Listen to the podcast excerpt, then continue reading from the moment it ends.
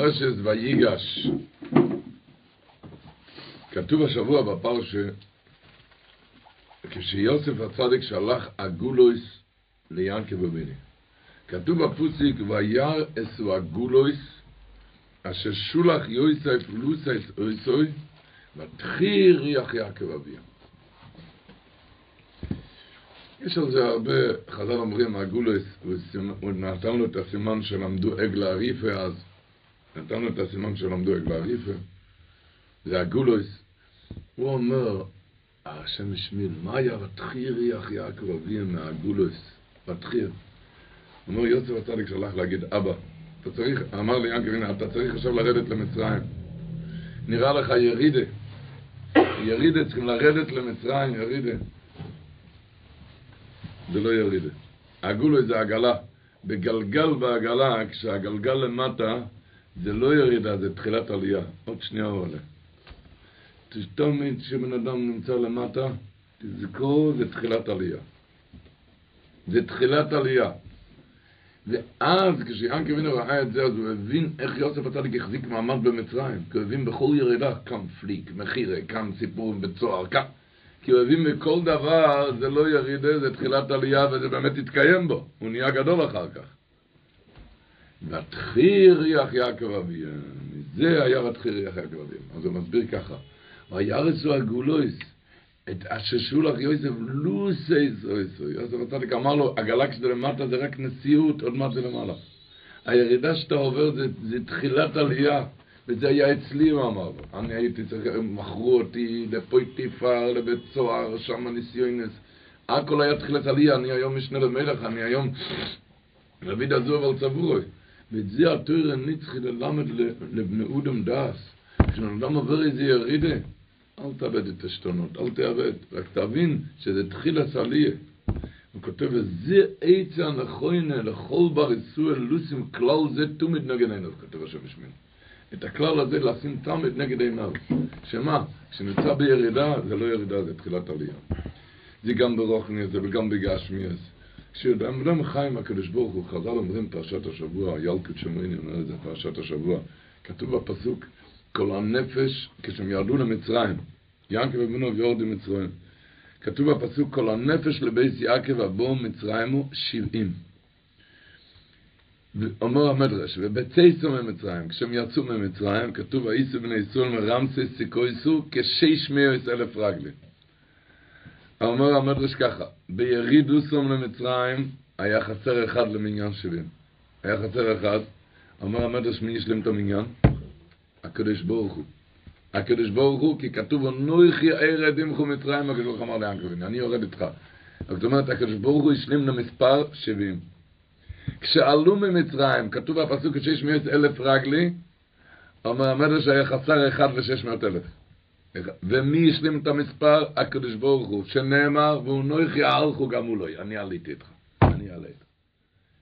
כך כתוב במדרש. אמרנו ככה בדרך צחוס, שיש הרבה פעמים לבן אדם שהחשבון משהו לא דופק אצלו, כי לפי החשבון הוא כבר היה צריך להיות אבא לשתי ילדים, ובינתיים הוא לא יתארס עוד.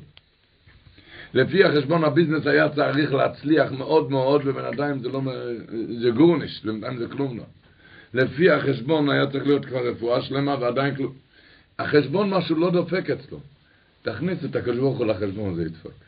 כי זה המדרש אומר, שהיה חסר אחד, כשהכניס את הקדוש ברוך הוא, אז החשבון היה בדיוק. תכניס את האחד יוחד לחשבון. שנראה לך שהחשבון לא דופק, שהחשבון לא, לא עובד. תכניס את הקדוש ברוך הוא לחשבון הכל יעבוד. ככה היה אומר המעריץ דושינסקי בשם רב מוישה דבלצ'יבה. אמר כתוב השבוע בפרשה, וייצאו אחד מאיתי ואוימר אך טורף טורף. אמר כשיוצא ממך אחד יוחד מייחוד, אז אתה נטרף, נראה מטורף ומבולבל. כשבן אדם חי עם האחד יוחד מייחוד, הוא אף פעם לא מבולבל, הוא יודע שהכל הקדוש ברוך הוא, היא לבדו, יוסו ויוסו ויעשו לכל המעשה.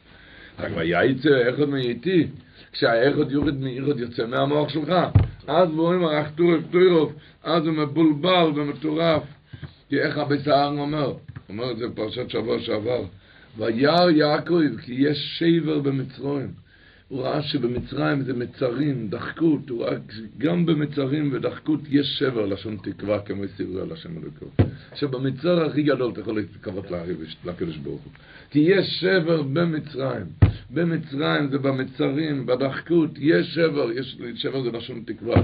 בכל מצר תקווה לקדוש ברוך הוא ותרד, תצא מהמצרים. ככה מסביר המשך חוכמה. מסביר, מרדי שטיקלן, אומרים שרב חצקלן רומסקי בער בקטע הזה של משך חוכמה, היה פייר על זה, ואמר שהוא בטוח שריח הקודש הופיע בביס מדרושי כשהוא אמר את הטויר הזה, על המשך חוכמה. הוא אומר, הקדוש ברוך הוא התגלה לאברום אבינו, ליצחק אבינו, הדבר המעניין שליענקב אבינו התגלה בלילה. גם בפרשת וייצא, ויפגע במוקון ויהיו לו משום כבוא השמש ויחלון, זה היה בלילה, כן? בוא השמש, זה היה בלילה, והשבוע בפרשה גם, כשהיה צריך לרדת ממצרים, גם ויאמר אלוקים לישראל במארץ הלוילו. מה זה? וכי ינקב אבינו היה צריך, לא, זה לא היה לא אצל אברום, לא אצל יצחק. למה? כי ינקב אבינו היה צריך לצאת לחוץ לארץ, בפרשת ויצא היה צריך לצאת ללובן. ללובן הארמי, כאן היה צריך לרדת למצרים, במארץ הלוילו, כשברוך אמר לך, אמר לו רק נראה לך לילה. תדע, אני בן אדם כשלילה אני איתו הרבה יותר כשיום. אני עם הבן אדם כשחושך לו אני איתו הרבה יותר כשאור לו. ולכן כתוב בפסוק יענך השם ימצאו יסגר חושם אלוקי יעקב. יעקב. ומה הקדוש ברוך הוא אמר? הקדוש ברוך הוא אמר לו, ויאמר אלוקים לישראל במערו יסלו אלו, אל תירו מרדו מצרים. ונויכי עמכו מצרימו ונויכי אלכו גם אולוי ויוסף יושיס יהודה עליינךו. הוא אמר לו ככה, אל תפחד מלרדת למצרים. יוסף, תראה את יוסף הצדיק, אתה רואה את יוסף הצדיק, היה נראה גרוע, מחירה ובצוער וניסוינס, ו... הוא נהיה גדול רק בזה, מכל הדברים הוא רק נהיה גדול. אז יוסף יושיס יהודה עליינךו, המעבר, המעברים, מה שיוסף עבר, שממילל ומפילל, שכל הצער במחירה הזאת הזיע לאותו להיות משל בכל ארץ מצרים. זה יושיס יהודה לעיניך לכסות את כל התמיהות, את כל השאלות, למה הוא סובל ולמה אין, למה היה. כי תתבונן על יוסף הצדיק, תראה איך שנראה מאוד גרוע, היה נראה מאוד גרוע, ולמעשה זה נהיה הכי טוב בעולם, הוא נהיה הכי גדול, וכי היא מוישל בכל ארץ מצרים. זה יושיס יהודה לעיניך כשאתה הולך עכשיו לרדת ממצרים. הוספנו ככה בדרך צחוס, שכתוב, יש איזו אמרה, שלמה בשמע ישראל מכסים את העיניים. כן? שמים את היד על, ה, על העיניים, למה? כי אומרים, השם אחד, תצעק כשאתה לא רואה שום דבר, כששחור לך, אז תגיד את השם אחד. לא כשאתה רואה את הפרוג'קטורים, לכן מכסים את העיניים. מכסים את העיניים ואז צועקים שמע ישראל, השם, אם זה רחמן, אלוקינו זה דין, השם אחד זה הכל אחד. הכל מאחד יוחד ומייחד. הכל מאחד. אז יכול להיות שזה הפירוש, ויוסף, תראה מה שהיה אצל יוסף הצדיק, יושס יהודה מנכות, זה ירים לך את הידיים על העיניים לקרוא, להגיד שמע ישראל בכל מצב, אפילו כשנראה, חושך. ויוסף, המעברים מה שיוסף הצדיק עבר, שהיה נראה חושך אבל נהיה מזה אור גדול, נהיה מזה מוישל בכל ארץ מצרים, ויוסף יושס יהודה מנכות, זה ירים לך את הידיים על העיניים, משתווים בכל מצב, שזה האור, שזה כאן, כאן וכאן מחובר. זה בכל מצב. כמו שהקדוש הסלוי אומר גם אותו דבר על הפסוק וירס הוא הגולויס. הוא אומר הגולויס זה עיגול. עיגול זה סיבה. סיבובים. עיגול זה סיבוב, סיבה. הגולויס, הוא אומר שכל הקשיים זה סיבה לגאולה. וירס הגולויס, אומר, אני אקריא את הלשון של הקדוש הסלוי. ששולח יוסף פלוס וסויסו. מה שלח לו יוסף הצדיק? שאל ידאג מהגולת, אל תדאג מהגלות, כי כל זה הוא הסיבה לגאולה. כי ארו היא הסיבה לטובה. ארו זה סיבה לטובה, ועל כן שולח לו הגולוס, שהיא מלושן עיגול, וגם סיבה נקראת עיגול. סיבוב. עיגול. ורצינו לומר שהגולוס הם הרמזים, שהקדוש ברוך הוא מסבב את הנעשה בעולם ומורדו למצרים להביא עליו את הטובה הגדולה שבגאולה. זאת אומרת, זו סיבה כשבן אדם עובר משהו לא, משהו לא, לא, משהו לא נעים ולא קל, שידע שזה רק סיבה לגאולה. הגאולה, הגאולה.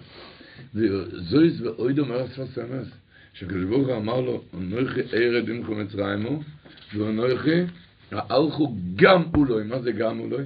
שאחרי הירידה אתה תהיה הרבה יותר למעלה מלפני הירידה. ירידה זה לצורך עלייה. גם הוא לא אומר שאחרי הירידה יתעלה הרבה יותר ממה שהיה לפני הירידה.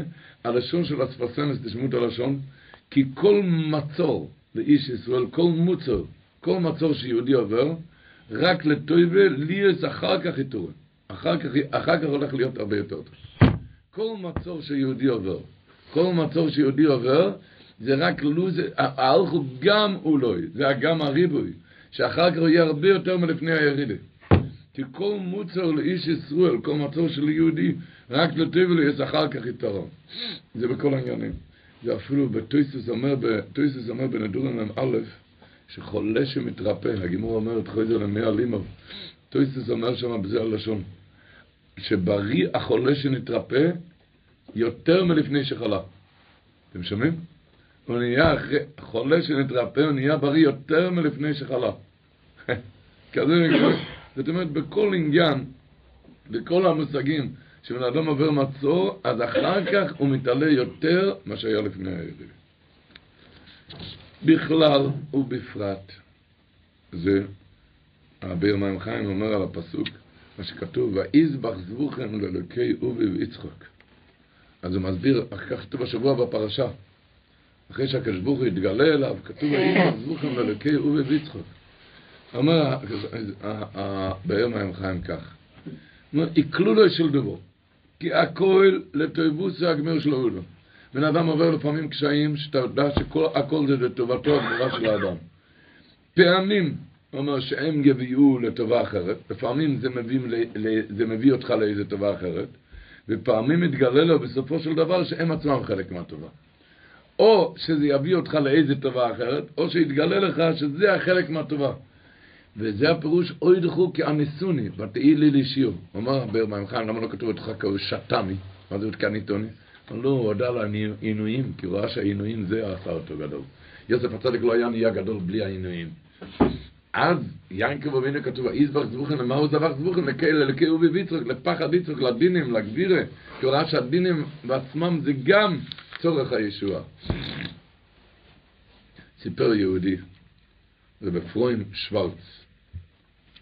הבן שלו מסתובב כאן, קוראים לו רבי יוסף שוורץ. האבא שלו, רבי אפרים שוורץ, זכרנו לברכה, הוא עבר את השואה. והיה בשואה, בשבועות האחרונים, ממש בימים האחרונים, ש... אז הם עשו סלקציה, לפני סיום המלחמה הם עשו סלקציה, בימים האחרונים. ש... מה הפירוש? שעשו, הבעלי בוסו, בעלי זרוע, אלו שהיו גיבורים, אלו שעדיין נשארים חזקים אחרי כל השנות, השנים הקשים, אותם שמו ימינה, הבינו שזה לעבודה. ואלו כבר שנהיו רזים מכל השנים האלו של המלחמה, נהיו רזים, כל קצת בשר, שמו שמאלה למשרפות הכבשון, למשרפות לאש. ורב אפרים זכרן נבוכה, הוא היה מאוד רזה, וידע השם ישמור, השמאלה הזה, הולכים לסוף אותו. בקיצור, הוא סיפר שעשה את עצמו כמו בלבוסו, עשה את עצמו כמו שמן, כמו, כמו בלבוסו, עשה את עצמו, וכאילו, כאילו, אבל זה לא עזר לו, כי כשהגיע לפקיד הנאצי מחשמוי, עשה לו שמאלה. אמר לו שמאלה.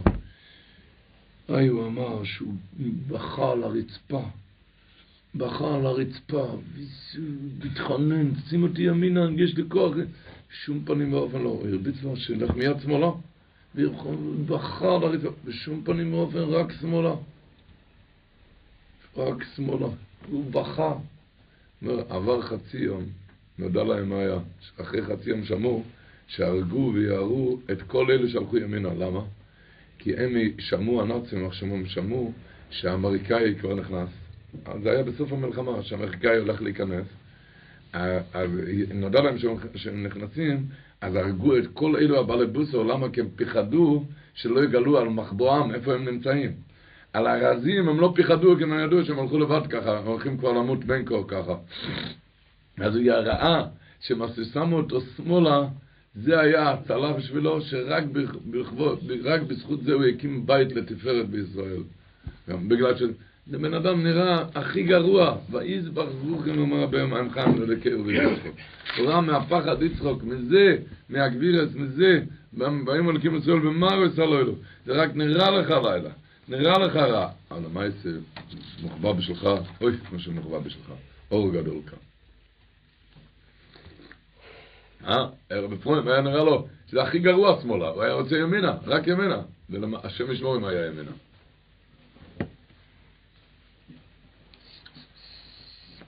זה הפירוש שהאם הולכים לישראל, במרוס הלילה, נראה לך לילה. הבר של הספינקר, זכרנו לברוכה. בארצות הברית היה אומר, סמכני בספר תפארת צבי, סמכני כמויס אנסוני שנויס רואי נראו. למשל שתי דברים, א', מה זה רואי נראו? רק ראינו את הרע, סבלנו את הרע, מה פירוש ראינו רע? ראינו, סבלנו. ועוד קושה הוא שואל, מה זה סמכנו? הבעיה היא שמחה, היה חסר שמחה? היה בעיה שסבלו רעות. היה צריך להיות כתוב, היטב ותיטיב עמנו, כמו תנתנו.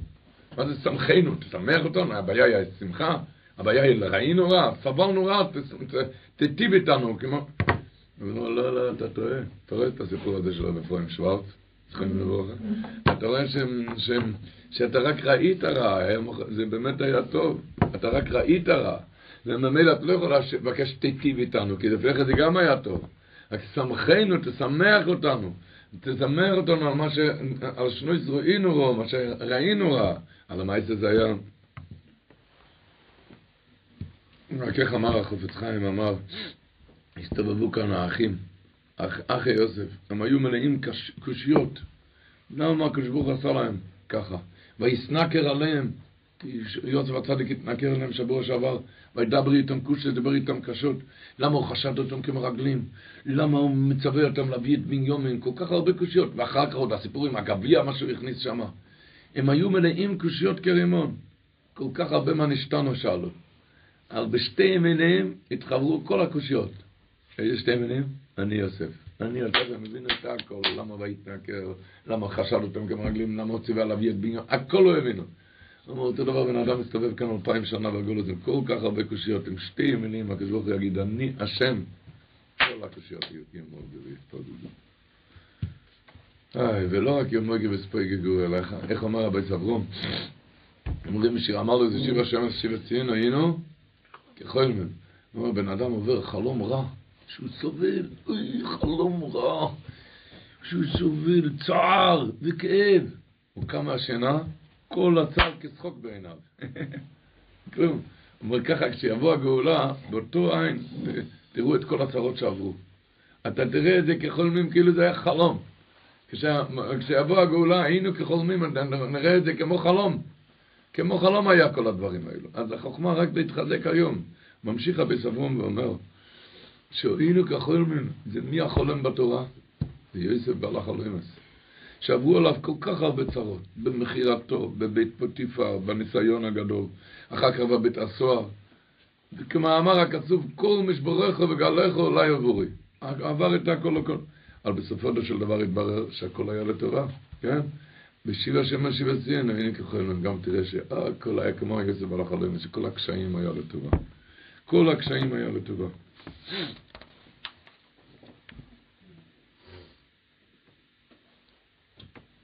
מחסם ספר אומר, כתוב בפסוק, ברגע כותן עזבתיך, וברחמים גדולים אקבצך.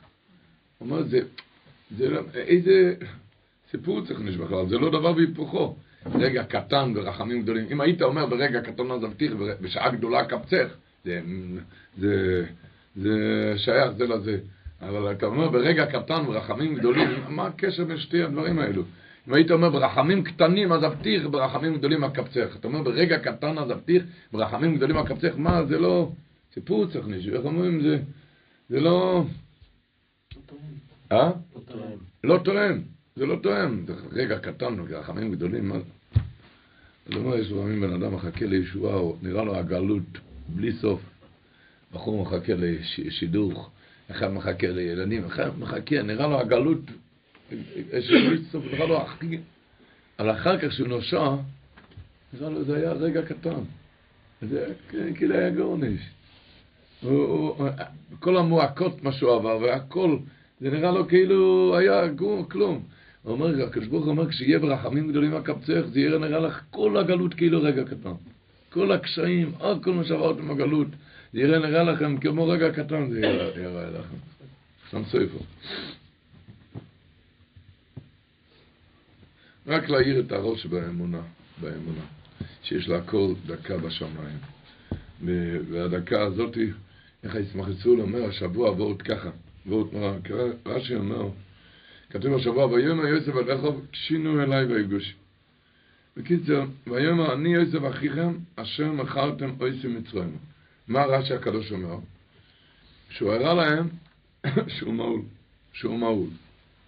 ראה אותם נסוגים לאחור, אמר עכשיו אחי נכלמים, הם התביישו, קרא להם בלשון רכה ותחנונים, והראה להם שהוא מעול.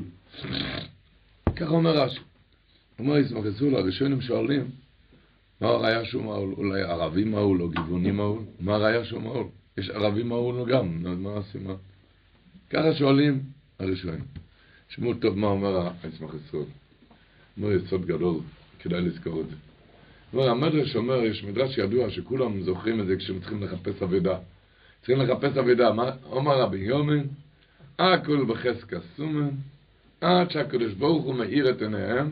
מאיפה לומדים את זה? מן אוכו, ויפקח אלוקים עיניהו, ותרא באר מוי. מה הפירוש? אומר היסבורסון, מה הפירוש במדרש הזה? ולמה זה מסוגל למצוא אבידות? כי הפירוש במדרש הזה ככה, לפעמים בן אדם מחפש אבידה, לפעמים זה נמצא כאן, הוא לא רואה את זה. מסתובב שעות, מחפש, וזה עברת את זה, ולא ראית את זה. למה? הקדוש ברוך הוא רוצה שלא תראה, תעבור את זה, אתה בחזקה סימן. הכל בחזקה סימן, אתה בחזקת עיוור.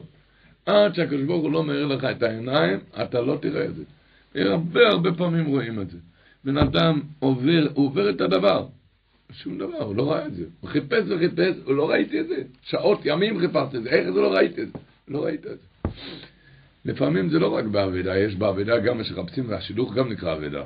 אני יודע מיהודי קם בבני ברק, שנסע לשידוך, אה, מבוגר מאוד, נסע לשידוך למונטריאל, ולא נהיה שידוך. הוא חזר, התארס תלמידים עם מי? עם מישהו שגר באותו בניין שלו. זה בכל מיני אבדות למיניהם, אתה עובר את האבדה, זה נמייה. הכל בחזקה סימן, אומר הישמח ישרו. שהפירושם של דברים, כשבן אדם קצוב עגמת נפש, יש שעון. על השנייה, כמה זמן קצוב עגמת נפש, זה יהיה. בזמן שצריך לרדת עגמת נפש, זה יעבור עגמת נפש. אז, אז אתה תראה את זה. הכל, הכל בחזקת סומין, אתה בחזקת עיוור, עד שבא הקדוש ברוך הוא מאיר את עיניהם, שמגיע דקה מהשמיים שצריך עגמת נפש לעבור ממך, אז אתה תראה את זה. אומר הישמח סול ככה. יוסף הצדיק אומר לאחים, תשמעו, כתוב במדרש שבוע שעבר שהם התפזרו, כשירדו למצרים הם התפזרו עשרה, למה? הלכו מה? לחפש את יוסף. וכתוב במדרש שהם הלכו לפזר עם כל אוים וחלו לדלם, עם כל הכסף שבעולם, הם רוצים אותו. הם רוצים אותו. ואתם יושבים מולי. כל העולם יודע, אמר להם, כל העולם ידע, רעש מזה. יש איזה חדשות, מה? עבד יצא מבית סוהר למלוך. ואתם מכרתם אותי לעבד. ולא נופל לכם ברעיון אולי זהו. אתם יושבים אצלי, שבוע שעבר כתוב בפרשה, וישבו לפניו הבכור כבכרתו, והצעיר כצעירתו, הם ישבו לפי סדר תולדותם. אני ישבתי אתכם. ויתמרו איש אל רעב, אף אחד לא חושב אולי זה אני יוסף. אף אחד לא חושב אולי זה... זאת ועוד אומר הישמח ישראל, איך היה לי כוח להתאפק, להגיד לכם. כשהגיעה השנייה, אז לא יכול יוסף להתאפק, לא יכולתי להתאפק. מגיעה השנייה, אתם יושבים ואתם אתם רוצים, מחפשים אותי. כולם יודעים, עבד יצא מבית סוהר למלוך, ואתם, ואתם מכרתם אותי לעבד. ולא נופל לכם ברעיון, אולי אתם יושבים מולי, מול יוסף הצדיק? מה התשובה? אתם יודעים מה התשובה? שיש דקה עד מתי שבן אדם צריך לעבור עגמת נפש, ומגיע השנייה שצריך לעבור את עגמת נפש, אז זה נפסק. כשמגיעה השנייה, אז לא יכול להיות להתאפק, אני לא יכולתי להתאפק כבר, זהו זה. המסביר את הרש"י, זה הפירוש. רש"י, רש"י אומר, הוא הראה להם שהוא מהול. אמר יוסף הצדיק, אם הייתי מראה לכם אתמול, הייתם אתם אומרים ערבי מהול. הראשונים הראשונים, אולי זה ערבי מהול. אולי זה ערבי, מה הראיה? אומר, זה, זה יוסף הצדיק אמר להם. אתם אומרים עכשיו מול, אם הייתם מראה לכם אתמול, הייתם הייתם תולים ערבים מהול. למה? כי כשמגיע, שני, עד שלא מגיע דקה מהשמיים, שבן אדם צריך לצאת מהגבול הוא לא יצא מזה. אשר על כן. אשר על כן, איך אמר הבייס ישראל פרשת השבוע? אמר את זה בשם האמרי אמס. שיוסף הצדיק שלח ושלח את האחים, כתוב מהרו ועלו אל אבי להגיד שכל יום אבינו יוסף שמני אלוקים לאדון לכל מצרים.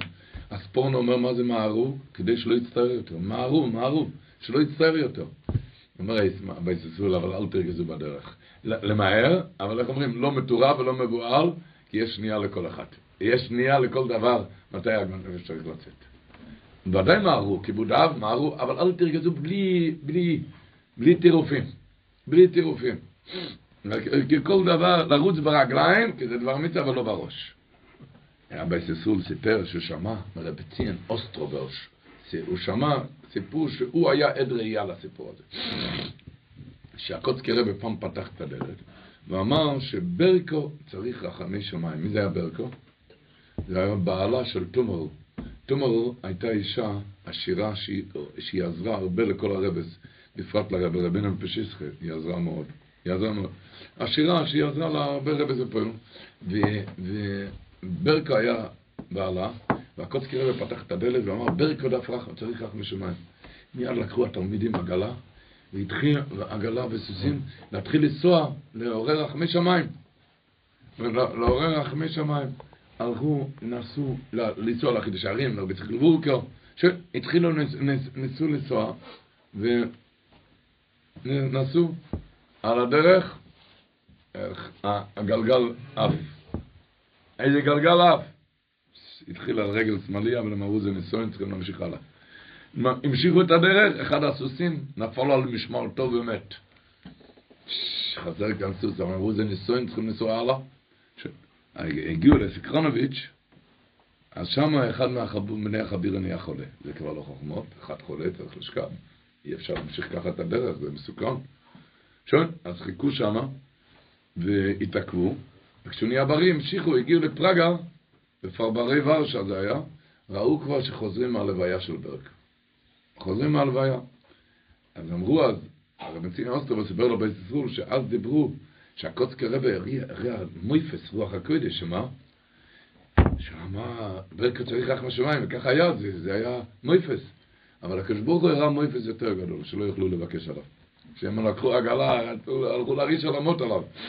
נסו לרבת, לחידש הרים, ולא הגיעו לשום רבה. הקדוש ברוך הוא הראה מויפס יותר גדול, שכשקצוב מהשמיים, אז, אז לא יעזור שום דבר, מגיע הזמן המדויק. מגיע הזמן המדויק. ממילא. אז רק להסתכל על הקדוש ברוך הוא. יודעים רק הכתובת רק אצל הקדוש ברוך הוא. גם כתוב בפסוק השבוע, ויכלכל יוסף אס אוביב ואס איכו ואס כל. לחם לפי עטוף, לפי עטף. אמר הדברי ישראל, מה זה לכפי עטוף? הוא מביא מהסבא שלו רב חצקול קזמירה.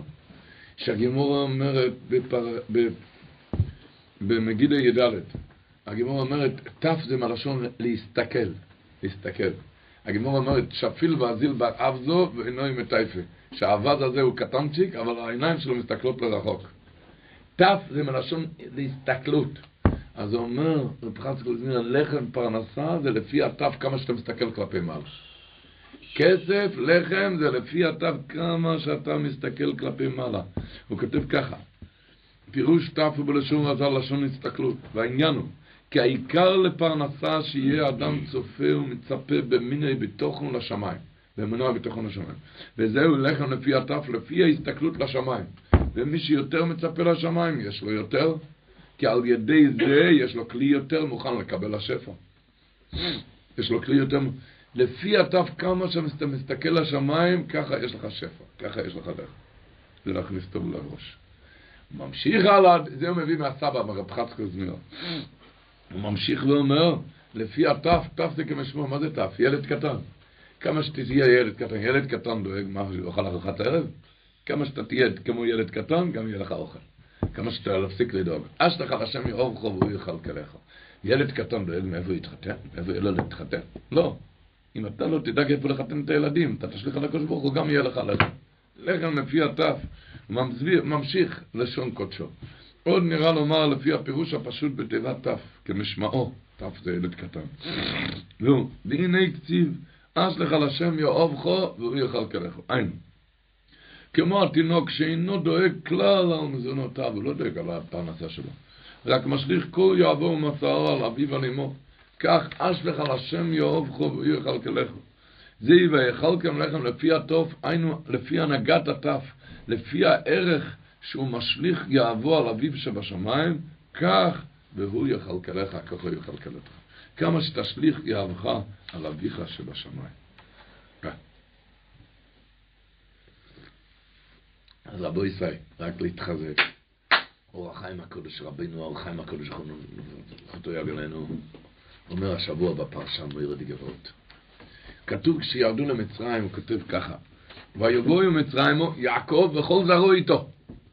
אחר כך כתוב בונו ובני בניו איתו, בנוסף ובנות בנותיו וכל זרעו הביא איתו מצרים. שואל הרחיים הקדוש שתי דברים. א', אתה כבר אמרת ויבואו מצרימו יעקב וכל זרעו איתו. כבר אמרת יעקב וכל זרעו איתו, למה אתה אומר עוד הפעם מפרט? בניו ובני בניו איתו, בנותיו ובנות בניו הביא איתו. אמרת מפרט, אמרת ויבואו מצרים יעקב וכל איתו, מה אתה צריך לפרט? בניו ובני בניו איתו, בנותיו ובנות בניו וכל זרעו הביא איתו מצרימה, מה אתה צריך לפרט? א', וב' הוא שואל, למה הוא מפסיק, הוא אומר, בניו ובני בניו איתו, בנותיו ובנות בנותיו וכל זרעו הביא איתו מצרימה. למה הוא הפסיק עם המילה איתו בין בניו ובני בניו לבנותיו? למה, למה הפסיק עם המילה איתו? אומר האור חיים הקודש יסוד גדול, הוא אומר ככה. הוא אומר שכאן היה שתי מחלקות בין בנים של יעקב אבינו. היו כאלו שקיבלו את הגדרה באהבה. הקדוש ברוך אמר לרדת ממצרים, כולנו יורדים. מי, מי זה היה? בניו ובני בניו איתו, ביחד עם יעקב אבינו. כמו שיעקב אבינו קיבל את זה באהבה, אותו דבר, הם גם קיבלו את זה באהבה, בלי, בלי, בלי להתחכך על, על המצב. בלי, בלי, בלי, בלי להתחכך. אה? להתרעם. בלי להתרעם, בלי, ירדו. בנותיו, הוא אומר, אותם כבר היו צריכים לסחוף. בנותיו ובנות בנותיו, הביא איתו מצרים. זה ההפסק של המילה איתו. בניו, עוד פעם, התורה אומרת קודם כל ויבואו מצרים ויעקב וכל זרעו איתו, כולם הגיעו מצרים. אבל עכשיו התורה מפרטת, תדע, היה כאן שתי מחלקות. בניו ובני בניו איתו. מה פירוש? הם הגיעו לקבל גזירת מלך בלב שלם. ויש מהם שהיו חוככים בדעתם להתעכב מרדת לכור ברזל, וציינה מה כתוב, מי ומי ההולכים לפתור, לפרוע שטר חוב הגלות מרצונם. מי זה היה? בניו ובני בניו איתו. פירוש אלו הזכרים, לא הוצלח להביאם הוא, לא היה צריך להביא אותם, אלא הם בעצמם באו איתו בדומה לו. ואחר כך סידר אותם שלא באו מרצונם, עד שהוא צריך יעקב להוריד דם בעל כורחם, והוא אמרו מי? את מי היה בנותיו ובנות בניו וכל זרעו. מי זה וכל זרעו? הוא אומר בני בני בניו. בקיצור, אלו הביא איתו מצרים פירוש, הוא הביא אותם לרצונם. עכשיו תשמעו, דבר נורא, ממשיך הרחיים הקדוש אומר ככה. ראיתי לתת לב לדבריהם ז"ל, כתוב בחז"ל, אתם יודעים, שכל זמן שהבנים של יעקב ובני בניו היו חיים, לא התחיל עדיין השיבוד. השיעבוד עוד לא התחיל. כשהם וימת יוסף וכל אחיו וכל הדור ההוא, רק אז התחיל השיעבוד. אומר למה? אומר הגמרא אומרת בברכות סמך בייס, סמא דייסורי קבלה. מה פירוש? הסם שמרפא את הייסורים, תדע איך מרפאים את זה? כשמקבלים את זה באהבה. אם אתה מקבל את זה באהבה, הייסורים מסתלקים. זה מרפא את הייסורים. אז אלו בונו ובני בונו שקיבלו את זה באהבה, לכן כל זמן שהם היו חיים, לא התחיל השיעבוד. למה? כי הם קיבלו את זה באהבה. בנותיו, מי זה היה בנותיו ובנות בניו? סרח בת אשר זה בנותיו, בנות בניו, יוכבד בת לוי, בימיהם כן היה שיבוד. למה? כי אותם היו צריכים להוריד. כי אותם, סמא דייסורי קבילה. הסם שמרפא את הייסורים כשבן אדם מקבל את זה באהבה. וממילא לכן כל זמן שהיה אחד הבנים קיים, של היודור הזה, הוא לא, לא התחיל השיעבוד. למה? למה? כי סמא דייסורי קבילה, כי הם קיבלו את זה באהבה, זה ריפא להם את השיבוד, ריפא להם את הייסורים. אבל מה שאין כן אצל בנות בניו, נויסו ובנויס בונו, שהם אתם היו צריכים להוריד למצרים, הביא איתו מצרימה. אני אקריא את הלשון, וראיתי לתת לב לדבריהם ז"ל אומר אור החיים, שאמרו שכל זמן שאחד מיהודי מצרים קיים, לא התחיל השעבוד. כי אולי, למה? שזה היה להם לתשלום קבלת גזירת מלך ברצון. בגלל שהם קיבלו גזירת מלך ברצון, פקע מהם השיבוד. נפקע מהם גזירת השיבוד, כי שמה לי יסורי קבילה. הסם שמרפא את היצורים לקבל את זה באהבה. ועד הנאמן לזה גם כן. כי יוכבת בסרח בת עושר, אשר היו מיורדי מצרים, וביניהם היה השיבוד. למה? וטעמו לצד שהביאם יעקב ולא מרצונם. הם יותר היו צריכים לסחוב, לא מרצונם. סיפר רבי יוסף מאיר מחלפקר, זיכרונו לברכה. הוא היה ילד בגיל שש, והוא היה נכד של רבי צילקרסקר. הוא הגיע פעם לסבא, הסבא שאל אותו, איפה היית היום? אני הייתי היום, הוא אמר, בשוק של השברים, היריד שמוכרים שם השברים. שמעתי שליאנובי מתח... בא לשם, ליאנובי בא ביום השוק. עליתי על איזה גדר, רציתי לראות אותו, לא ראיתי אותו. לא ראיתי אותו. שאל אותו הסבא, יוסף מאיר, מה כן ראית? אז הוא אמר לו, ראיתי איזה דבר מעניין סבא. שאלו השברים שנתנו, זה הרי שוק שמוכרים שם שברים, כן? מביאים, המוכרים מביאים, קונים. אלו שנתנו, ש, ש, אלו שנתנו, ש, שיקשרו אותם, אז לא עברו שום דבר, העבירו אותם, קשרו אותם, כן? החבלים, ואכלו ושתו, ואחרי כמה ימים מוכרים אותם בחזרה, עשו חיים. אבל אלו שלא נתנו שיקשרו אותם, התחילו עם מכות, וקיבלו מכות, עם מקלות וחבלות ודם, זה בחינם, זה לא, זה לא היה צריך להגיע להם, זה בחינם. אז למדתי מזה שכל אחד יש לו את החבילה שלו. אחד שמקבל את זה באהבה ובשמחה, עושה חיים, אוכל, שותה, בסדר. זה שלא מרשה, מתחיל להתרכך, עושה לעצמו צער ועגבת נפש, שזה בחינם, כי זה לא, לא קצוב לו. אמר לו הסבא, אם ראית את זה, אז אתה את אליהו הנביא לא, לא ראית, אבל הוא ראה אותך. אם השכלת לכזה שכל. מובן? שיהיה זה שמקבל, אה, הוא למד את זה, הוא אמר, שבן אדם, יש לפעמים בן אדם, כל בן אדם יש לו את החבילה שלו, את הפקלה שלו. אם הוא מקבל את זה באהבה, לא מורד שערות ראשו, צד ימין לפני הצהריים, צד מטפיות אחרי הצהריים, מורד, לא מורד שערות ראשו.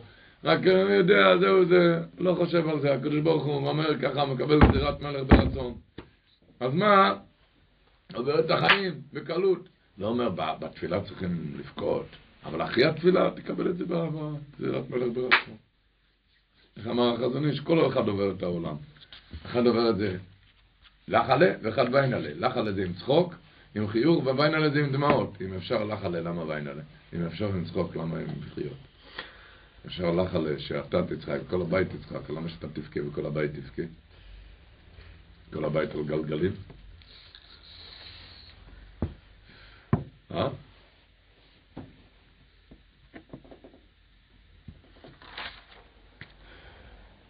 איך אמר הקוברינו? ש...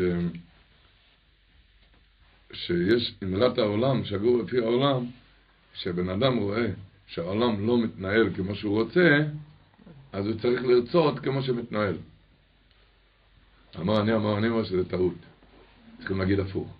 אם תרצה כפי שמתנהל, אז יתנהל כפי שאתה רוצה. אם תרצה כמו שמתנהל, בונו ובני בונו ואיתוי, אז פקע השיבוד. אם תרצה כפי שמתנהל, אז יתנהל כפי שאתה רוצה. זה בטל רצונך.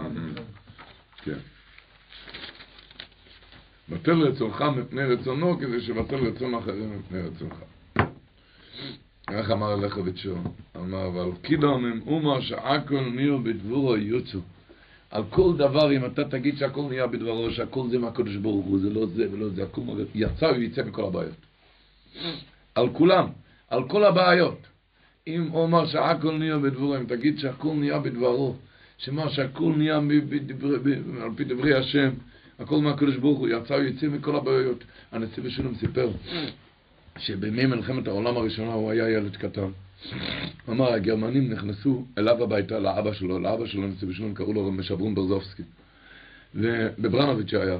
הגרמנים נכנסו ואמרו לכל המשפחה לעמוד עם הפנים לקיר, הלכו לראות בהם. והאבא שלו ביקש מאח, מאח שלו, קראו לו רב נחם זאב, מה בן? האח שלו נשיא בשולם, בן שלו, שיביא לו כוס מים. האבא ביקש מהבן שיביא לו כוס מים, הוא רצה לעשות שעקול. הוא עשה בקודש שעקול נהיה בדבורוי. ואז, כשהוא עשה את השעקול, נשמע הכל שהרוסים נכנסו, זה היה האויב הרוסי, הגרמנים פיחדו מזה, אז מיד הם יצאו לירות בהם, לירות, לירות ברוסים, וככה כל המשפחה בפנים ניצלו ממוות לחיים. אז אמר נציב שלום שכל המשפחה אמרו לו, אבא, כזה מויפס, בגלל זכות שהקול שלך. בזכות ה... אז הוא אמר, זה לא מויפס, רק אני יודע את הוורד של הלכביץ' על כולם אמור מה שהכל נהיה בדברו יוצא. על כל בעיה, על כל הבעיות, אם אומרים שהכל נהיה בדברו. משננים, לא אומרים, יש כל, כל אחד אומר, אבל יש שהכל, יש שהכל שרותח יותר מהקפה. תצעק. כמו שפחסקי לוינשטיין היה אומר על פרשת השבוע, כתוב בפסוק, ויופוג ליבוי, כי לא האמין להם. ויפג ליבו, כי לא האמין להם. מה רש"י אומר? נחלף ליבו והלך מלהאמין. אבל אתם יודעים, כתוב ברמב"ן, כתוב דבר נורא, ויפג ליבו, שנתבטא ליבו ופסקה נשימתו. כי פסקה תנועת הלב והוא היה כמת. למה? זה העניין ידוע, אומר, בבוא השמחה פתאום, והוזכר בספרי הרפואות, לא, פתאום הוא שמע עוד יוסף חי. כי לא יסבלו זה הזקנים וחלושי הכוח שהתערפו רבים מהם בבוא להם שמחה בפתע פתאום. כי ירא הלב נרחב ונפתח פתאום, והנה, אומר הרמב"ן, נפל הזקן כמת. יעקב אבינו נפל אז כמת, ואמר כי לא האמין להם להגיד שעמד זמן גדול מן היום והוא שוכב דומם באוויר שלא האמין להם. מה עשו? ודברו אליו את כל דברי יוסף אשר דיבר עליהם, וירא את העגלות, כי היו צועקים, צועקים באוזניו דברי יוסף, וגם הביאו לפניו העגלות, אז שבה רוחו אליו וחזרה נשימתו וחיה. וזהו התחיל רוח יעקב אבינו. אז שאל רב חסקי לוי שכולם שואלים, אני לא מבין, אם לא האמין להם, למה ויפג ליבו? למה פסקה נשימתו? הוא הרי לא האמין. אתה מאמין, זה לא פירוש שלא מאמין, כולנו מאמינים. אמונה זה כשזה נכנס ללב. הוא לא יכל להכניס את זה ללב, לכן הוא היה זקן, פתאום שומע כזה שמחה, הוא לא יכל להכניס את זה, לא, לא, לא יכל להתיישב על ליבו. זאת אומרת, זה נקרא אמונה. כל אחד יודע אמונה, הכל מהקדוש ברוך הוא, אז למה אתה כועס ולמה אתה מבלבל בראש? אם אתה צועק לדינטויר, זה כל הסיפורים בשלום בית, אם אתה יודע הכל מהקדוש ברוך הוא. מה? כי לא האמין להם, אז אצלך לא, לא מיושב האמונה. אז על זה יושבים עכשיו ליישב את האמונה, לא להגיד אני מאמין, לחיות עם אני מאמין. ככה אנחנו נגיד אני מאמין עד שאנחנו נתיישב בזה. ואחיי ורעיי, אהוביי וידידיי. פרשת השבוע. שבועות נורא, חפץ חיים אמר את זה לרב אלחון וסרמן, וגם אמרה לנו את זה לבחורים שהגיעו אליו בראש השנה, ממוצאי ראש השנה. וורט נורא. חפץ חיים אמר את זה בזמנו, מי מדבר היום בתשפ"ב. אמר ככה, כתוב השבוע בפרשה שיענקב אבינו אמר, רב עוד יוסף בני חי, הלכו וירנו בטרם אמות. בתורה אין מילה מיותרת. מה זה בטרם אמות? מה, מה, אין, אין מילה מיותרת בתורה. מה זה בטרם אמות? אז אמר חופץ חיים, צעק לבחורים, אמר את זה לרבי אלחנן ואסרמן, שיעקב אבינו אמר, יוסף הצדיק חי במצרים בכאילו ניסיונות קשים, ערוות מצרים והחזיק מעמד בקדושה, אני רוצה מיד ללכת לראות אותו, כי אני בטוח שלמעלה בשמיים אני לא אוכל לראות אותו. כי בן אדם שעומד בניסיונות, בכאילו ניסיונות, אני לא יכול לראות אותו. בטרם עומוס אני חייב עכשיו לראות אותו בגלל, ש... בגלל שהגן עדן זה לפי הניסיונס. ואת זה הוא אמר לרב אלחונו ואסמן, אז היה זמנים מאוד קשים. ואמר לבחורים גם, הגיעו אליו לראש השנה, אמר להם מוצאי ראש השנה, אני מאוד מודה לכם שהגעתם, כי אני יודע שלמעלה בשמיים אני לא יכול לראות אתכם, לפי הניסיונות שאתם עוברים. אפילו שאני גם עובר ניסיונות, אמר, אמר החופץ חיים, אבל הניסיונות שלכם יותר קשה, למעלה בשמיים לא יוכל לראות אתכם, תודה רבה שהגעתם, שראיתי אתכם כאן בראש השנה. מה הפירוש השכר למעלה? זה לפי הניסיון שבן אדם עובר. אל חברנו בטרם עמוס. מה, איפה בן אדם מתעלה, ואיך איך הוא מתעלה, ואיפה הוא מגיע כש... נלחם עם גצרו. ככה מסבירים השבוע הקדוש ברוך הוא דיבר ליעקב אבינו, כתוב ויאמר אלוקים לישראל במארץ על הרי כתוב ויאמר יעקב יעקב ויאמר הנני. מה רש"י אומר יעקב יעקב? לא של חיבי, לשון חיבה, חיבו.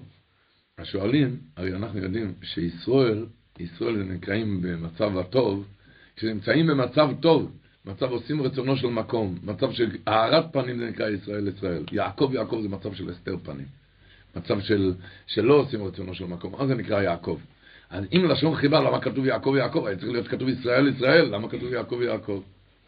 הוא אומר ככה, שהיה פעם איזה מלך, שהלך ברחוב לבד, והאויב פגש אותו, והאויב הלך לגמור אותו. חיילים הלכו לגמור אותו. האויב.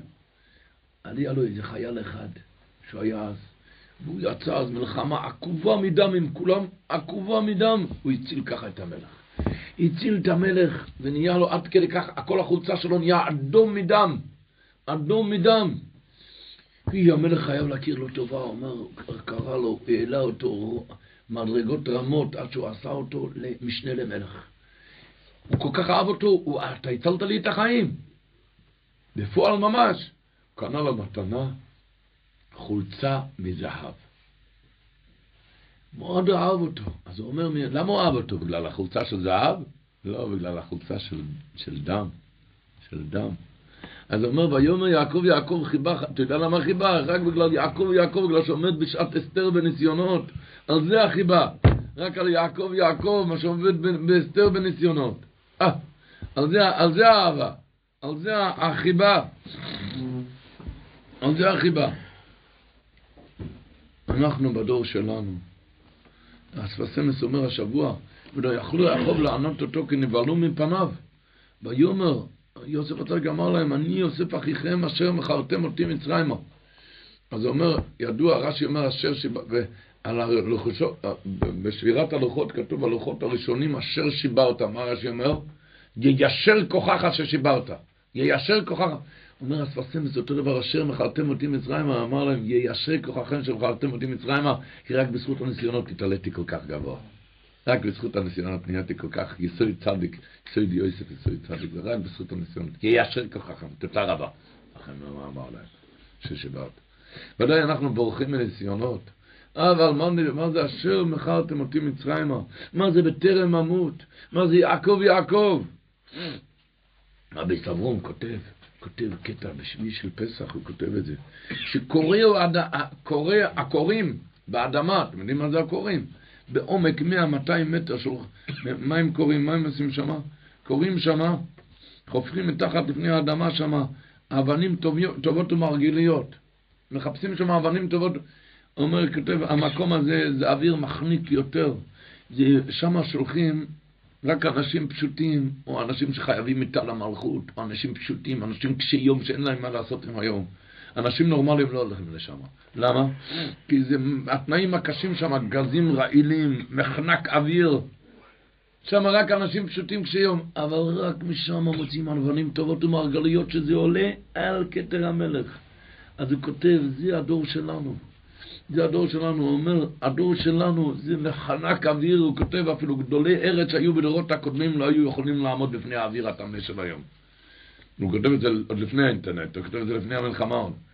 ואנחנו נמצאים באדמה, אבל רק אנחנו מוציאים את האבנים טובות ומרגלויות יהלום לכתר המלכות. אנחנו ורק אנחנו, בקוראים, כמו שהקוראים, הם מוציאים את היהלומים לכתר המלך, היהלום שבכתר זה אנחנו, תשפ"ב. היהלום שבכתר, כאן כשאתה מתגבר, כאן כשאתה גודר גודר ועומד בפרץ ביראת שמיים. גודר גדר ביראת שמיים. כאן, אוי, כאן, כאן אתה ברום רום המעלה.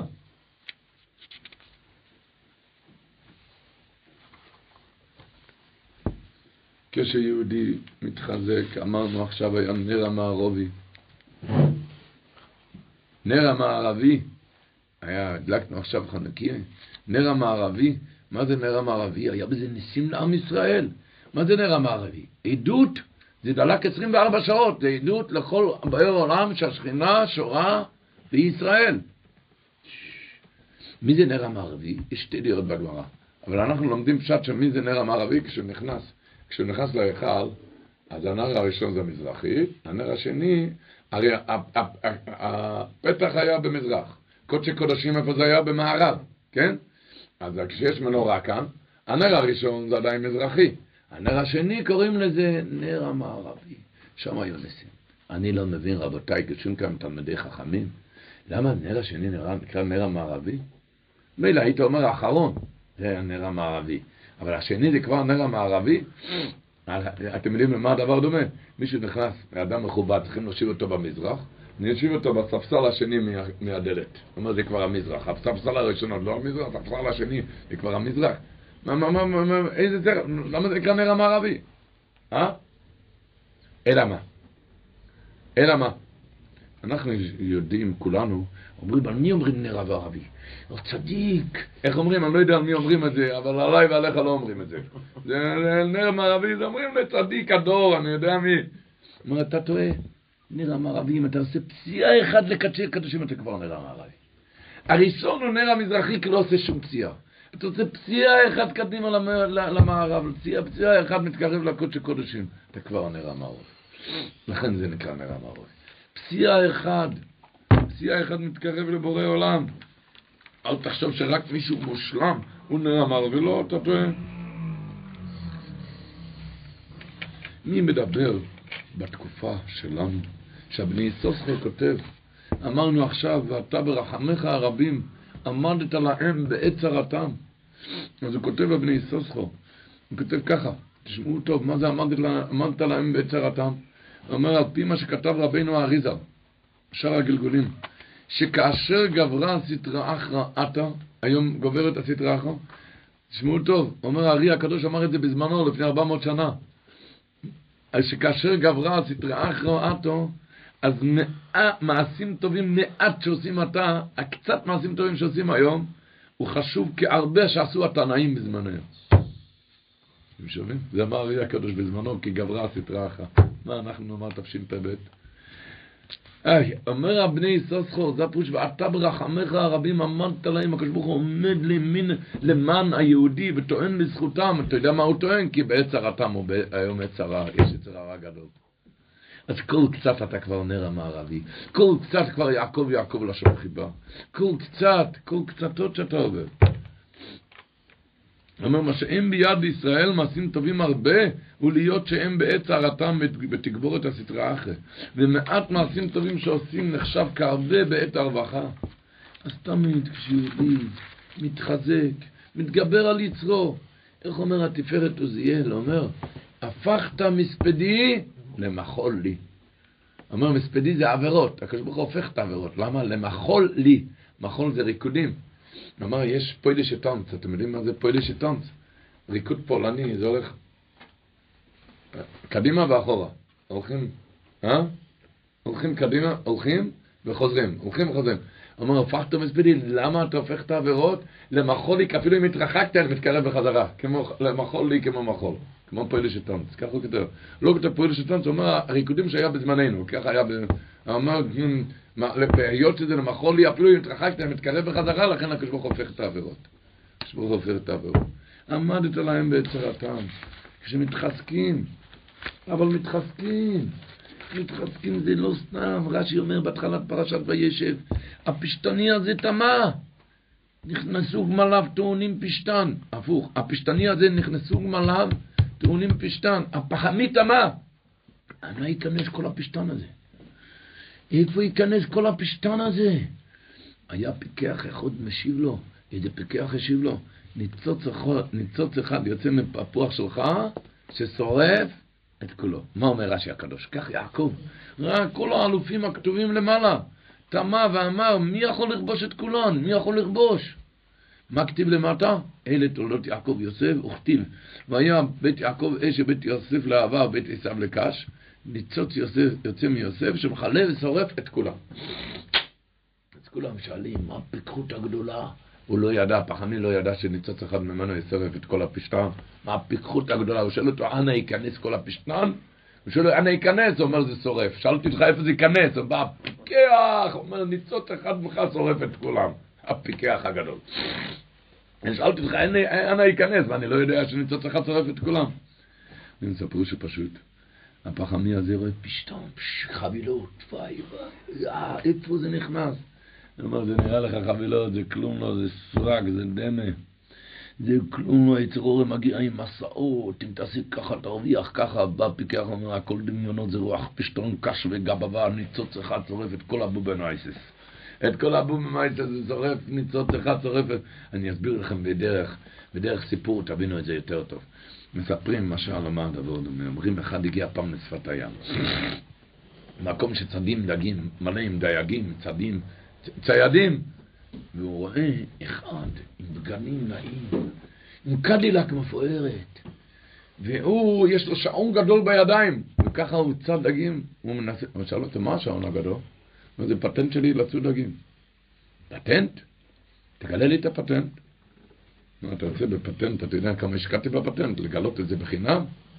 לגלות בחינם פטנט? אתה יודע מה זה פטנט? וכמה כסף השקעתי, כמה עשרות אלפי דולרים, כמה, כמה ימים בשנים, אני לא מגלה בכלל.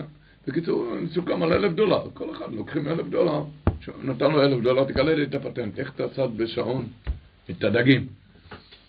עד שהוא התחיל להסביר לו, אמר לו, תשמע, אנחנו ראינו שהדגים בים, הם כל הזמן מעיפים את העיניים, ימינה, שמאלה, ישר, כל הזמן מעיפים את העיניים, ולא ידענו על מה, עד שהגענו למסקנה מה הם מחפשים.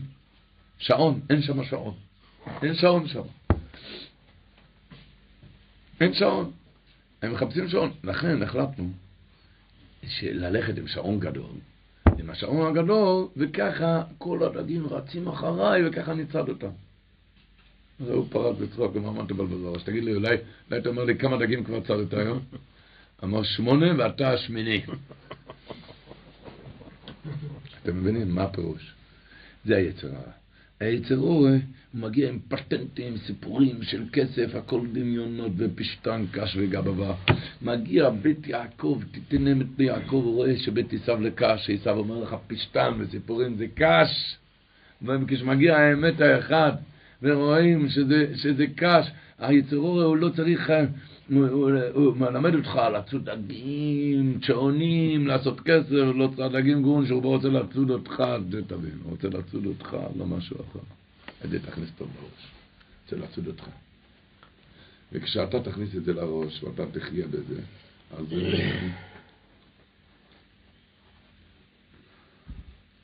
מסופר שנכנסו לעשייתנו שתי אנשים, שתי אנשים נכנסו לעשייתנו.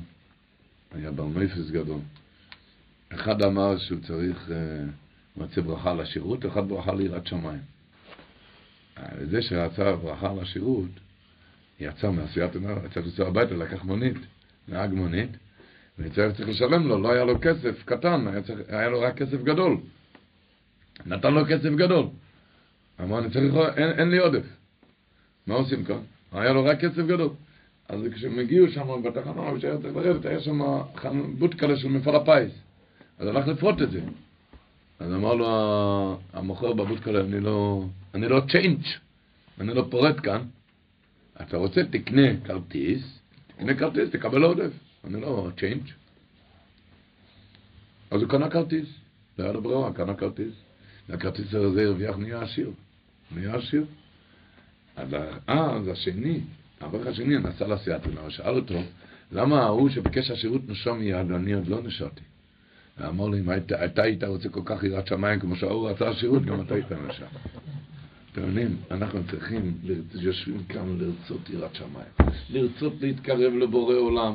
איך אמר הפנים מנחם, אמר, יש אמרה של הרב רבינים, יש אמרה, מוסא יגיע מעשה למעשה אבויסאי, אומר הרב רבינים, לא פחות ולא יותר, שיגיעו מעשה למעשה אבויסאי, מה, הפירוש הזה? אמר הרב רבינים, אמרה ידועה, מתי יגיעו, מתי יהיה נגיעה. נגיעה, שיהיה נגיעה, לפחות נגיעה. אמר הפנים מנחם, אתה יודע מה זה נגיעה? אומרים לבן אדם שיש לו נגיעות שם, הוא נוגע בעדות, שיהיה אינטרסנט, שיהיה אינטרס, אינטרס, זה הפירוש מתי יגיעו, שלא סתם יהיה נגיעה, שיהיה לי אינטרס ליראת שמיים. מתי יגיעו, מלשון נגיעס, נוגע בעדות, מה זה נוגע בעדות? זה אינטרס, יש לו אינטרס כאן, שיהיה לי אינטרס ליראת שמיים. מוצא יגיעו מעשה למעשה עבור ישראל, זה אנחנו יושבים כאן, שלא נדע מיראת שמיים. שיהיה לנו אינטרס ביראת שמיים, שנעבוד את בורא עולם. היי.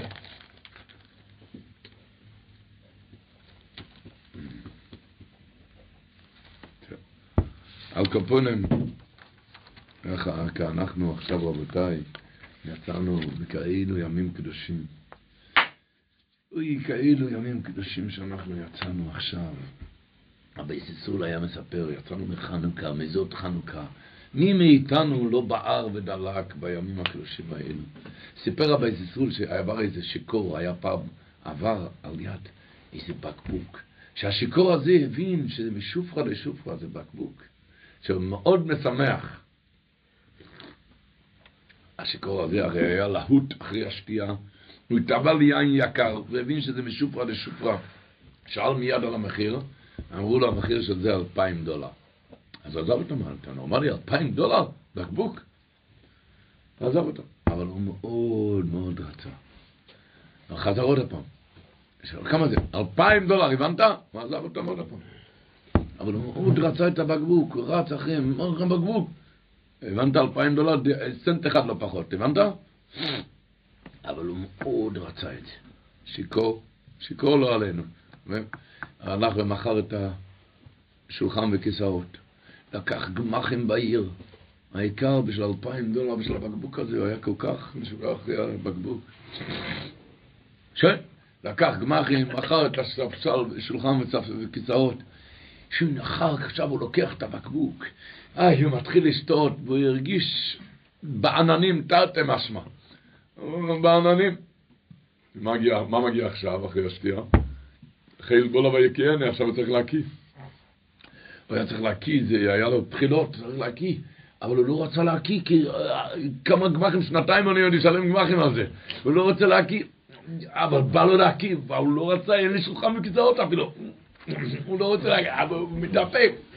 אמר רבי סיסרור, תראה כמה אתה השקעת בחנוכה בזאת חנוכה, אל תקיא את זה. אל תקיא את זה. תבין, תנצל את זה, תכניס את זה עכשיו פנימה. איך אמרו, היה שמונה, שמונה ימי חנוכה. הגמרא אומרת בבקמה, רואה ט' בחלומות סימן יפה לו. אמרנו, שמונה ימים, אם אתה רואה, אבל אתה רוצה לראות אותך ביום התשיעי, אז יהיה סימן יפה לו. הרואה ט' בחלומות סימן יפה לו. אפילו אם בחלום תחלום על יום התשיעי, זה גם יהיה סימן יפה. אבל תעשה משהו איתך. לא, עבר חנוכה. תכניס את זה עכשיו. תבין מה זה נר המערבי, פסיעה אחת תיתן עכשיו לבורא עולם. תיתן, תיתן לו פסיעה אחת. תיתן לו, הסבבון יסתובב על שפיץ קטן. שפיץ קטן תקבל עליך וככה תסבב את כל הארבע רוחות. נר המערבי פסיעה אחת, תן לבורא עולם. איך אומרים? חמים במוצאי שבת, מלוגמה, רפואה. מה פירוש הבחור מאוד חם בשבת, אני רוצה לראות אותך במוצאי שבת. במוצאי שבת גם תהיה חם, אז זה מלוגמה, אז זה רפואה. עכשיו, אחרי חנוכה אני רוצה לראות אותך. ורבותיי, נסיים בעניין אחר. בעניין אחר. המדרש אומר השבוע, דבר נורא. כשיוסף הצדיק אמר אני יוסף, לא יכול ליוסף להתאפק, הוא אמר אני יוסף, אומר המדרש, אומר רבי שמואל בר נחמן, לסכנה גדולה ירד יוסף אז. אז הוא ירד לסכנה גדולה. שאם הרגו אחיו, אין בריאה בעולם מכירו. הוא ידע, אתה נמצא כאן אחד, ונמצאים כאן עשר אריות, נמצא כאן. אריות. ולמה אמר הוציאו כל ישמעו עליי? למה אמר הוציאו כל ישמעו עליי? הוא לא פיחד? לא פיחד. אלא כך אומר יוסף בליבו אומר המדרש, מוטב שהרג ולא אבייש את החיי בפני מצרים. לא יבייש לך. מה זה, מה זה נקרא לא לבייש פנים? לא ירתיק. וזה לא סתם, אתם יודעים שבהמשך כתוב המדרש דבו נוירו. כיוון שהכירו, כך כתוב במדרש. אחרי שהכירו אותו אחים, ביקשו להורגו. עד שבא מלאך גבריאל ופזרם בארבע פינות הבית. כן, זה לא היה פשוט שם בחדר. היינו במדרשים, באור החיים הקדוש, תראו מה הלך שם. הצליחו לשמוע עליי. אבל מה זה, מה זה, מוטב שהרג ולא אבייש את החי בפני מצרים. כך כותב השלוע הקדוש, כתוב השבוע, וינשק לכל אחיו אייב כליהם. אומר השלוע הקדוש, ראה כמה צריך האדם למחול ולהעביר על מידותיו, כי הם חטאו נגד יוסף, ויוסף בכה ונשק אותם. יש לשון השבוע של אור החיים הקדוש, שכולם, אוי, מדרגה שאי אפשר, אור החיים הקדוש כותב השבוע ככה. אמר להם, אני יוסף אחיכם, אשר מכרתם אותי מצרימה. אני אקריא את הלשון, לשון נורא. וידוע שצדיקים אמרו על הלשונות האלו, מה שכתוב, אוי, תשמעו לשון. הרב חיים הקדוש אומר, לא תחושו לדבר, אל תחושו לדבר כי אני יוסף אחיכם. פירוש, מתנהג עמכם במידת האחווה, וכאילו לא היה הדבר ההוא. נמחק כל הדבר. כאילו לא היה הדבר ההוא.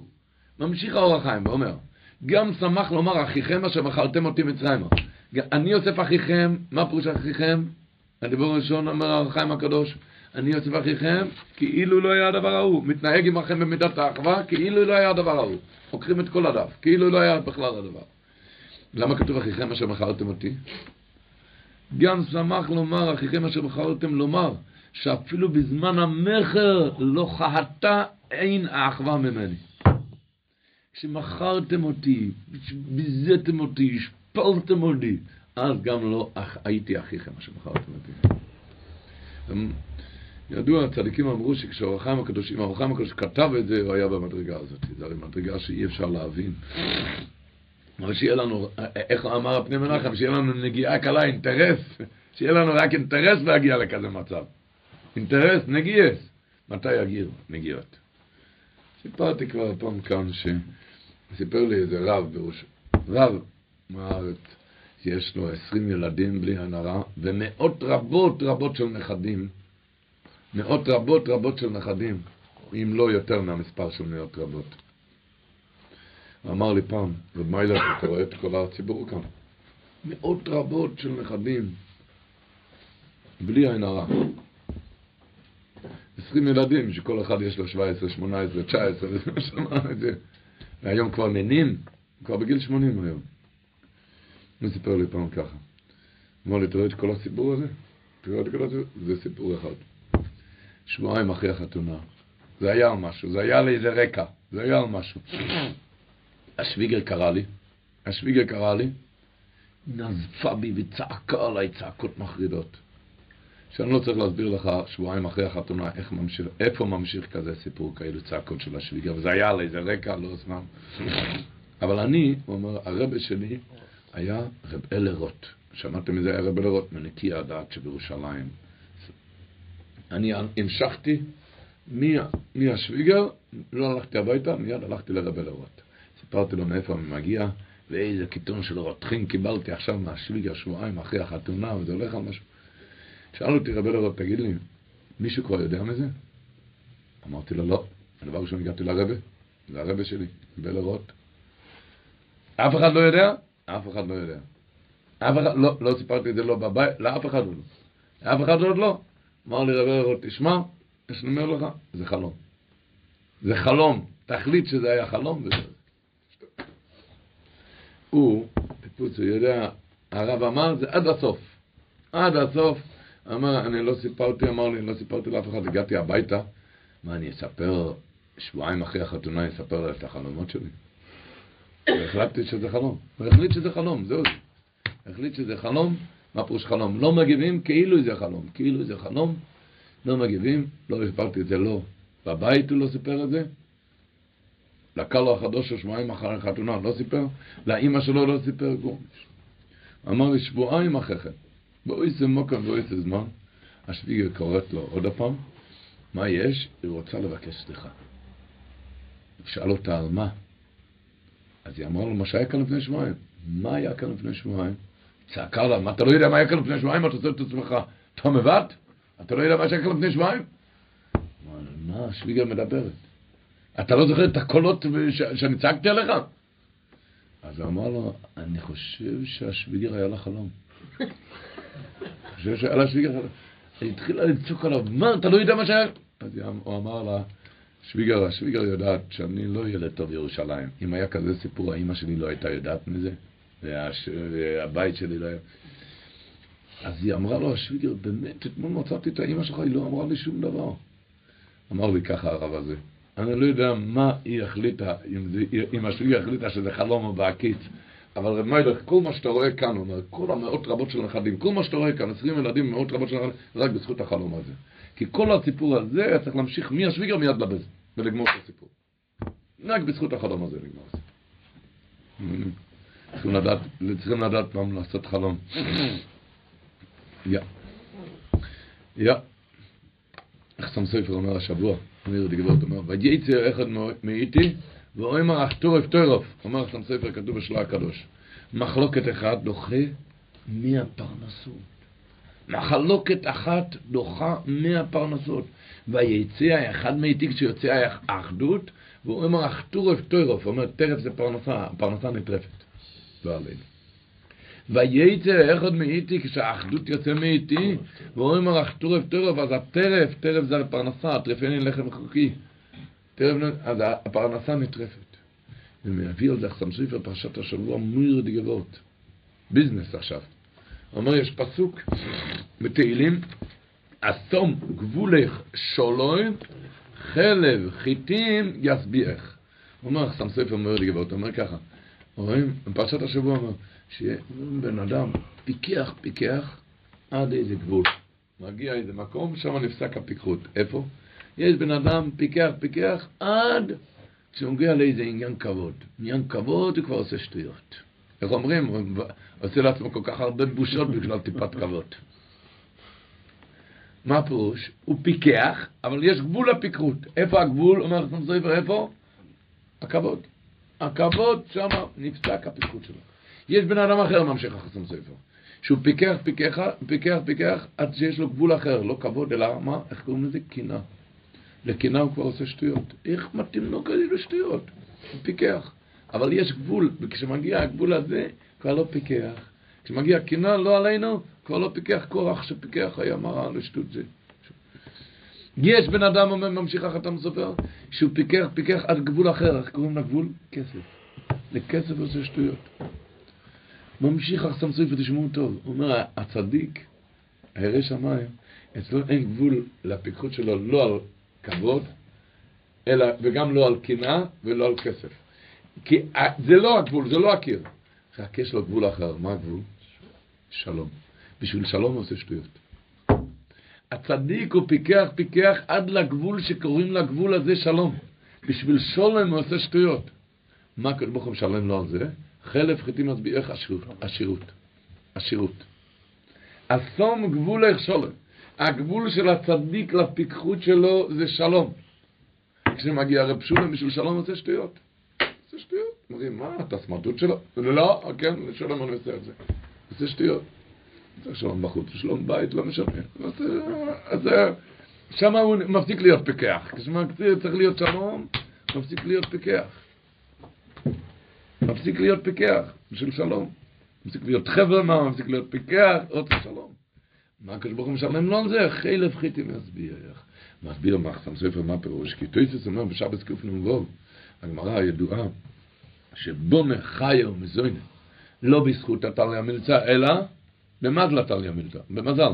מה אומר שם התוספות? שזכות גדול משנה את המזל. אפילו שבונה חיה ומזוינה. זה לא תלוי בזכות אלא במזל, זכות גדול משנה את המזל. אומר לך, ספר, מה הזכות הגדול שמשנה את המזל? הסם גבולך שלו. שיעשה שטויות בגלל בשביל שלום עושה שטויות. איי איי איי, איך היה אצל רבי שבצלאל היה אח שלה עם רמז, והיה שם איזו דחקות גדולה בבית, פרנסה לא היה כסף. אמר רבי שבצלאל, אם ככה הדבר הראשון צריך להיזהר, שלא נבוא לידי מחלוקס. למה? כי מחלוקת אחת דוחה מה היה פרנסות. כשצריכים כסף, הדבר הראשון מה להיזהר, הוא חושב, דק דק, נתחיל עכשיו דבר ראשון מה שצריך להיזהר, לא להיות מחלוקת. מחלוקת אחרי אחת, מה הפרנסות? רב חצקל קוזמיר אמר פרשת השבוע. הרב רב חצקל קוזמיר אמר, אל תרגזו בדרך, שלא תריבו על הדרך בעבודת השם. על זה גם אל תריבו. איך אמר זה? לשם שמיים, כן? לשם שמיים. זה הגמרא אומרת, סטנו פנינה לשם שמיים נתרבנו, אחרת הוא לא יכול להתחיל איתו. אלמול הקדוש ברוך הוא, אוי מי אוכלה, אם לא היה לשם שמיים לא יכול לו. הסטנו רוב היה אומר, כתוב בפסוק, בפסוק בישי, כי כאשר השמיים החדשים והארץ החדשה אשר אני עושה. אז שאל, מילא ארץ חדשה צריך, למה צריכים לעשות שמיים חדשים? מכל עלי שם שמיים, זה צריך שמיים חדשים. הצעת מאוד. ונסיים עכשיו, מגיע עכשיו חז, השם יעזור שיהפך הימים האלו לששון ושמחה. מגיע חז, טייבס, טס טייבס, יו טייבס. כשנגיד את הסליחות שבוע הבא, אתם תראו שכל השלוש ימים האלו זה ימי תשובה. יאללה, הסיפור, עזרא הספר נפטר, ומה שאת ה... יבונס, כן. אני אגיד רק וורט שהילד יחסם ספר אומר, אומר יחסם ספר ככה. ידוע שמבואר בראשונים שהצום של הצורת טויבה זה יותר חמור משאר הצומות, העבוד רעם אומר, העבוד רעם הזה הובא בבית יוסף בסימן תק"ן, שאם היה יכול לחול עשרה בטבת בשבת, היו צריכים לצום בשבת. זה לא יכול לחול בשבת. אם היה צם בכלל בשבת, היו צריכים לצום בשבת. למה?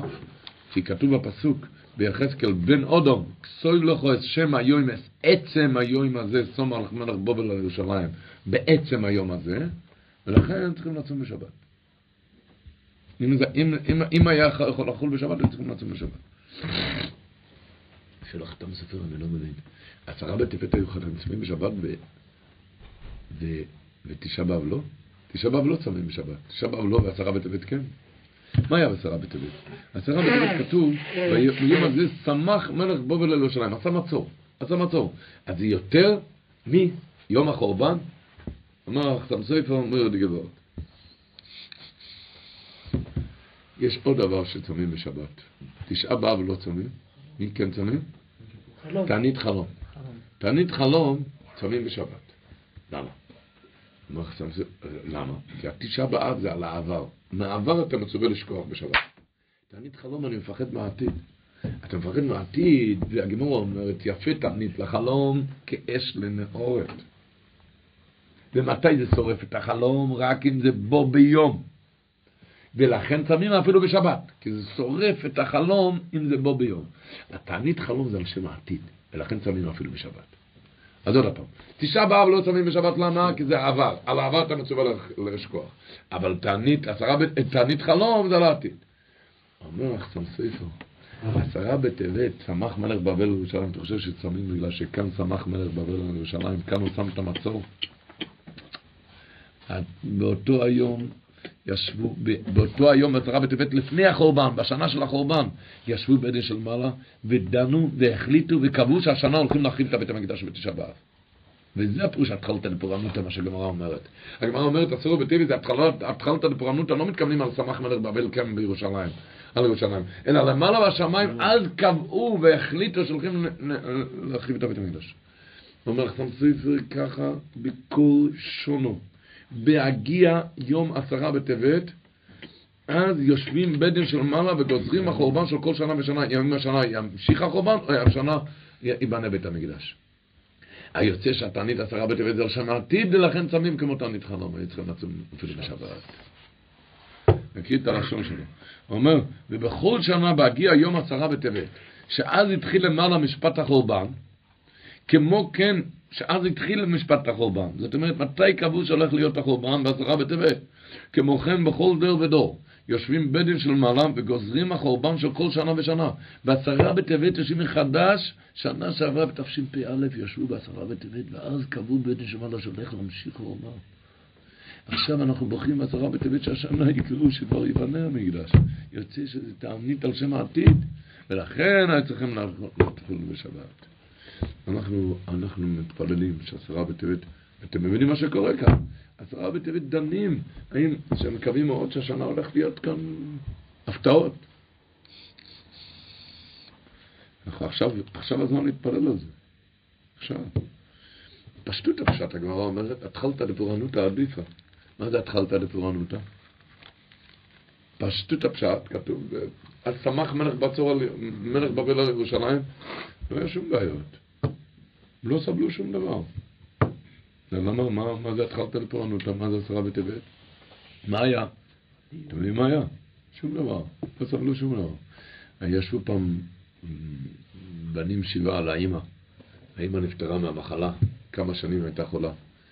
ונכנס שם הרופא לנחם, שמע שהילדים אומרים, מדברים לעצמם, מתי היה היום הכי קשה? ילד אחד אמר, הטיפול של הכימותרפיה ביום הזה זה היה הכי קשה. ילד אחד אמר היום של הניתוח היה יותר קשה, אחד אמר הקרנות היה יותר קשה. נכנס הרופא ואמר, חבר'ה, אל תבלבלו בראש, לא הניתוח לא הכימותרפיה, לא הקרנות, אני אגיד לכם מתי היום הכי קשה. היום שהתחיל בתאים, הוא התחיל על השפה הרפואית, על השפה הרפואית, כשהתחיל שם הסיפור, השם שמו, שאף אחד מכם לא ידע והיא גם לא ידעה מזה, זה היה היום הכי קשה. זה עשרה בטבת. ובאמת היה סמך, עוד לא הרגישו שום דבר בירושלים, אז התחיל הכל. התחלת לפורענותה.